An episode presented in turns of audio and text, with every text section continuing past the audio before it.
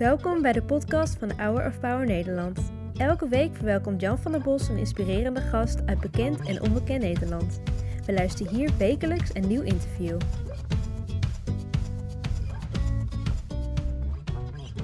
En dat was het koor van Hour of Power. En wat kunnen ze toch prachtig zingen, ook virtueel. Ik vind dat een knappe prestatie. Laten we hopen dat ze straks weer in de kerk kunnen zingen.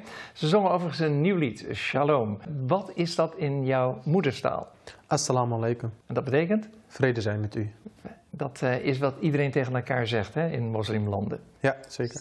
Jij uh, bent een Palestijnse vluchteling en je komt terecht in Syrië. Jouw vader was een vooraanstaande imam. Dat is een, uh, de leiding over een moslimgemeenschap. Ja. Je ging regelmatig naar de moskee natuurlijk. Ja. Je, moest je ook de Koran uit je hoofd leren? Ja, zeker. Sinds ik vijf jaar moest ik mee naar de, naar de moskee. En sinds ik zes jaar begon ook mijn moskeeschool soort van. Waar ik ja, de Koran uit mijn hoofd begon te leren. Ja. Ja. Wat staat er in Sutra 2? Alif lam mim dalik al kitab la rayba fih. Dat is, uh, dat is dat de Koran is de waarheid, uh, dat er geen twijfel daarin zit. Ja, maar jij begon wel te twijfelen. Ja, zeker. zeker. Ja. Hoe kwam dat? dat je, want je vader uh, was, als ik het in woorden van Nederland mag zeggen, dominee. Een hele vooraanstaande Ja. dominee, een hele vooraanstaande leider. Maar jij geloofde het niet meer. Hoe Nee. kwam dat? Ik begon al sinds ik kind was, zeg maar, was, had ik er al twijfel. Ik wist niet wat ik er mee moest. Maar op een gegeven moment moest ik een, uh, een uit de Koran hardop lezen. En het was, uh, het was dat Mohammed vanuit Mekka naar Jeruz Jeruzalem en daarna naar de zevende hemel heen en terug moest op een ezel. En dat, dat geloofde ik niet. En dat was het punt dat ik afstand van de islam nam. Ja. Maar dat had grote consequenties voor je, want je vader was woest op je. Zeker. Wat deed hij?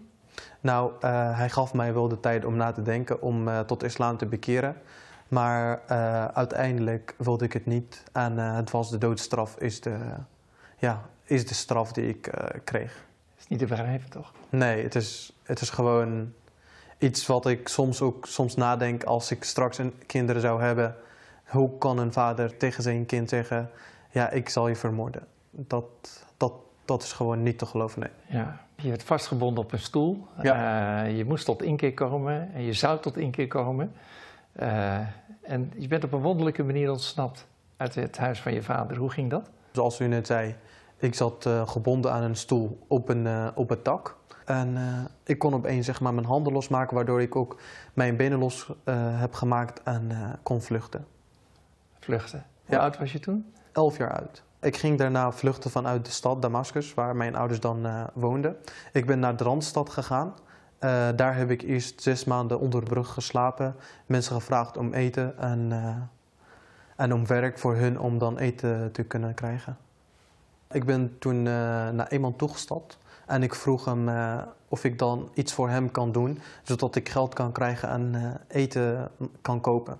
En toen zei die persoon, ik heb een cartoonfabriek en daarin, daarin mocht ik werken en ook een slaapplek krijgen. En ja, zo, uh, zo ben ik bij de persoon gekomen. Ja. Toen ik 14 was, begon ik, begon ik ervan te dromen om iets anders dan te gaan doen. toen ben ik als meubelmaker gaan werken bij een persoon. Op mijn 16e zelf heb ik mijn eigen zaak gekocht. Bijzonder, zo jong en dan ondernemer. Ja, op een gegeven moment het leven maakt je volwassen. Uiteindelijk, ik moest overleven. En ik moest tegelijkertijd studeren. En dat was mijn motivatie om te gaan leven. Ja, wat was je droom? in die tijd? Mijn droom was dat ik een veilig leven, een vredig leven mag leiden. Waarin ik mijn werk, mijn, uh, een gezin kan bouwen. En uh, ja, mijn leven kan gewoon zonder angst kan leiden. Ja. Ja. Want in die tijd was ISIS al begonnen met de verovering uh, en de opstandelingen. met de verovering van Damascus. En die kwamen op een gegeven moment in de voorsteden waar jij ook woonde terecht. Wat heb je toen gedaan? Op een gegeven moment kwam IS zo dichtbij dat ik zelf uit mijn huis moest vluchten van IS.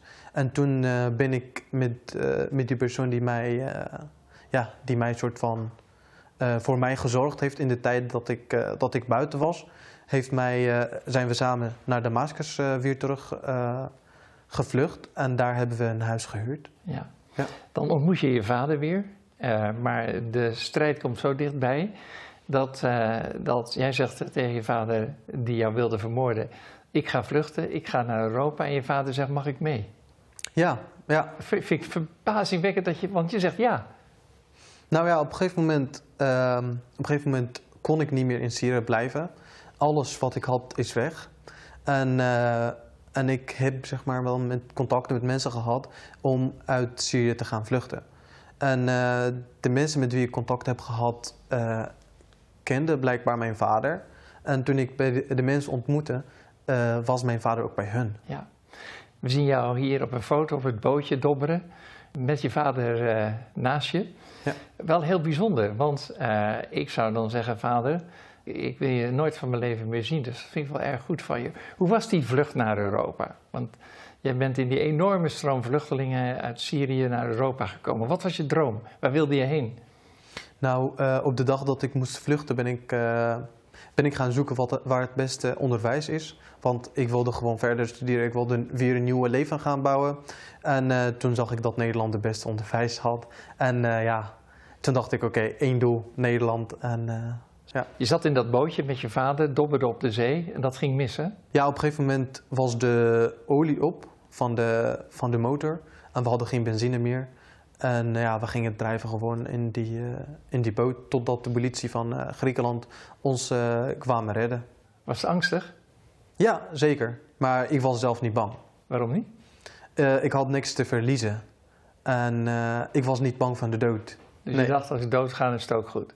Ik heb toch niks te verliezen. Ja, precies. Ja. ja. Dan uh, maak je een hele lange, nou laat ik zeggen, wandeling, dat was het niet. Een verschrikkelijke tocht van wekenlang en kom je in Nederland aan. Ja. Het land van de belofte. Ja, ja. zo kan je het noemen, ja. Ja. ja. Komt net als alle Syrische vluchtelingen in een asielzoekerscentrum. Het was de meest eenzame tijd voor mij. Eenzame tijd. Het was ja, ik sliep samen met mijn uh, biologische vader dan in één kamer.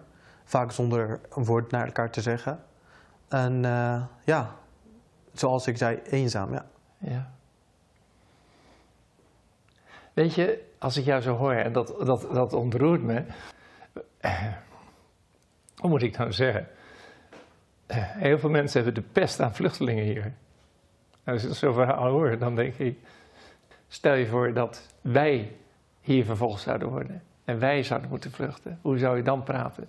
Ik gun het niemand. Het gevoel van vluchten, van angst, is nooit, is nooit fijn. Alleen, alleen ik, ik vind het soms wel uh, moeilijk om, om, om mij te plaatsen in iemand anders die zegt dat, dat ik niet hier mag zijn. Ja. Ja. op een gegeven moment werd die eenzaamheid doorbroken. Wat gebeurde er? Ja, uh, op een gegeven moment zijn we naar AZC's uh, eh, geplaatst in Alphen aan de Rijn. En uh, daar ontmoet ik ook mijn adoptieouders, of mijn echte ouders noem ik ze ook nu. En daar begon het leven echt voor mij. Ja. ja. Niet ver hier vandaan zat je. Ja. ja. Je heette Mohammed, je heet nu Daniel. Ja. je heet Daniel Veurink. Hè?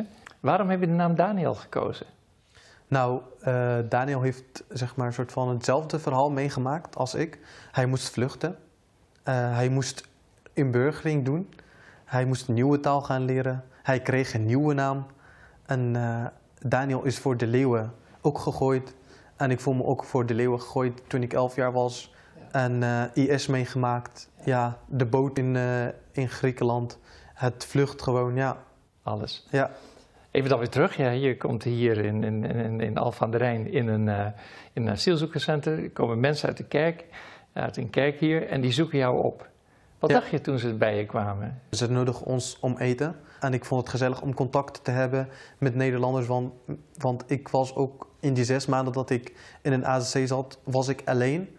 Maar in die tijd dat ik alleen was, was ik Nederlands aan het leren. Wilde ik het ook met iemand gaan delen. Want zolang ik het voor mezelf hield, had ik het niet geleerd. Nee, nee Ja. je spreekt voortreffelijk Nederlands nu. Wel. dan kom je daar eh, eten.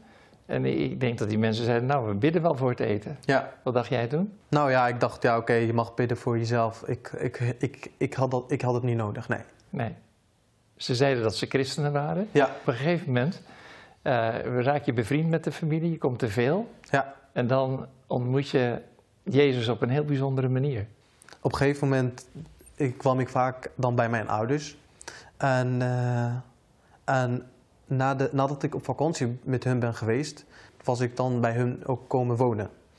En, eh, en ik was ook dan in contact gekomen met, met, het, met het geloof, wat dat is. En eh, op een gegeven moment eh, gaf mijn moeder een boek, die heet Ik zocht Allah, maar ik vond Jezus. En eh, daarin stond dat, zeg maar, dat, dat diegene die Allah zocht eh, en Jezus vond dan, moest zeg maar ook over Jezus vertellen.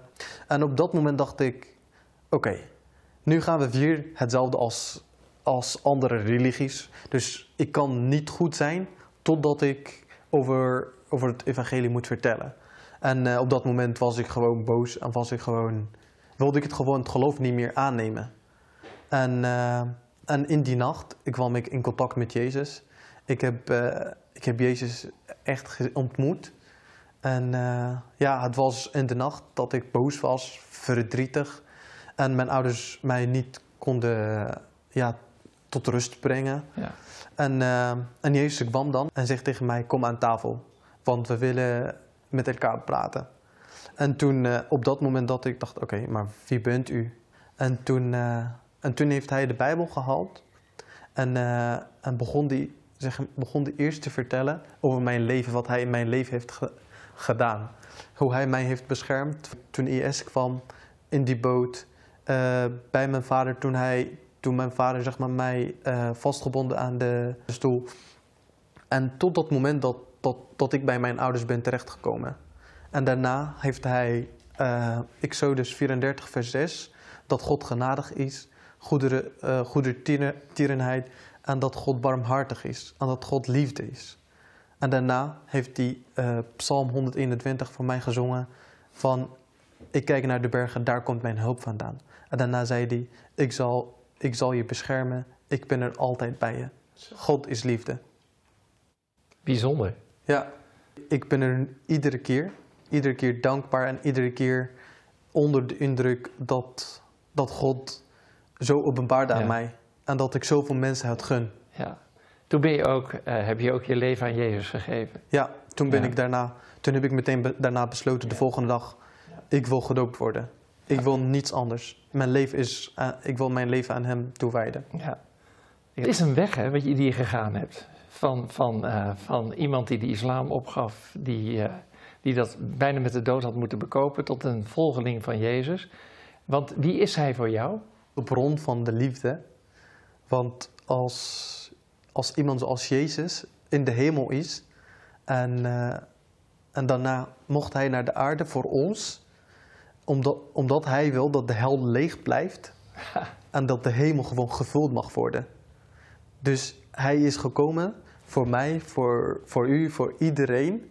En, en, dat, en dat is zo bijzonder voor iemand die gewoon de hemel opgeeft en gaat, en gaat het lijden kiezen voor ons. Ja, het is, het is gewoon een bron van liefde. Ja. Ja. Mooi. Je wilde dominee worden, Ja, ja, maar dat is niet zo. Want je studeert nu voor fysiotherapeut. ja, ja, klopt. Ik hoop echt dat ik in de toekomst, ook in mijn, tijdens mijn, door mijn werk en, eh, eh, en ook in mijn leven als, als vader, hoop ik dat ik in de toekomst vader ook word. Ja. Dat ik mensen kan inspireren hoe God goed is Ja. en hoe God liefde is. Ja. Ja, Want je hebt de liefde van je leven gevonden. ja zeker. Anne-Sophie. Je studeert nu in Rotterdam en jullie komen eh, wekelijks een aantal keren bij elkaar om te bidden. Te bidden voor mensen, te bidden voor situaties. Even, want dat wil ik goed horen, hoe laat is dat? Eh, kwart voor zeven zijn, staan we al klaar. Ja. S'morgens. Ja, voor Jezus doen. Ja, we geven ons leven aan Hem. Ja. Dat heet eh, We Move en eh, de man die daarachter zit is ook een hele goede vriend van je, is eh, Maurits Amoureux. Maurits, kom erbij. Weet je wat ik zo mooi vind? Dat, dat, dat, dat jonge mensen, we zeggen wel eens, nou ja, die jongeren die interesseren zich niet meer voor het evangelie, ook zo enthousiast bezig zijn. Hoe, hoe, hoe kwam je erbij, Maurits, om deze beweging te starten, We Move? Het is begonnen met, eh, met mijn huisgenoten, waaronder mijn eigen broer ook. En Ja? het is gewoon ontstaan vanuit een verlangen dat we God zien bewegen. En dat we ook zelf in beweging komen als reactie daarop. We move, God beweegt en wij komen nu in actie vanuit gewoon die bijvoorbeeld liefde, wat Daan vertelt. Ja. Ja. En waar bidden jullie om?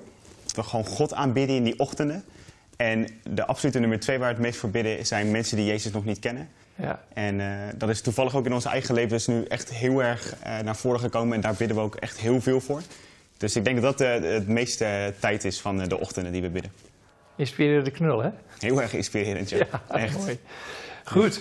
Jongens, heel mooi dat jullie dit doen. Ehm, je bent ook een trouwe kijker van Hour of Power. Dat vind ik ook heel erg leuk. en deze bloemen, van wie komen die? Ja, van mijn vader. Van je vader, ja.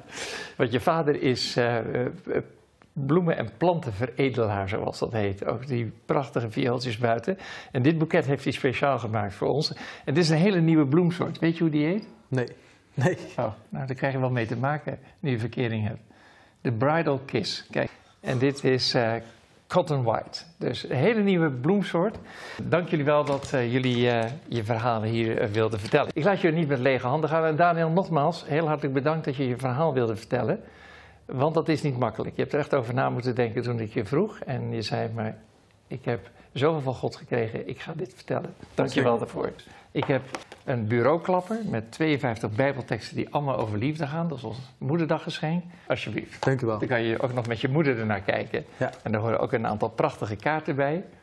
Die kun je dan aan je vriendin sturen. Ja, kijk. Want ze woont wat verder weg. En dan krijg jij het boek van uh, Bobby Shaw. Het is al eerder gepubliceerd, omdat je het waard bent. Dankjewel. Oké. Okay. Heel hartelijk bedankt.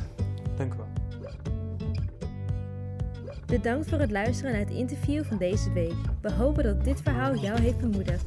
Wil je meer weten over Hour of Power of andere interviews bekijken? Ga dan naar www.hourofpower.nl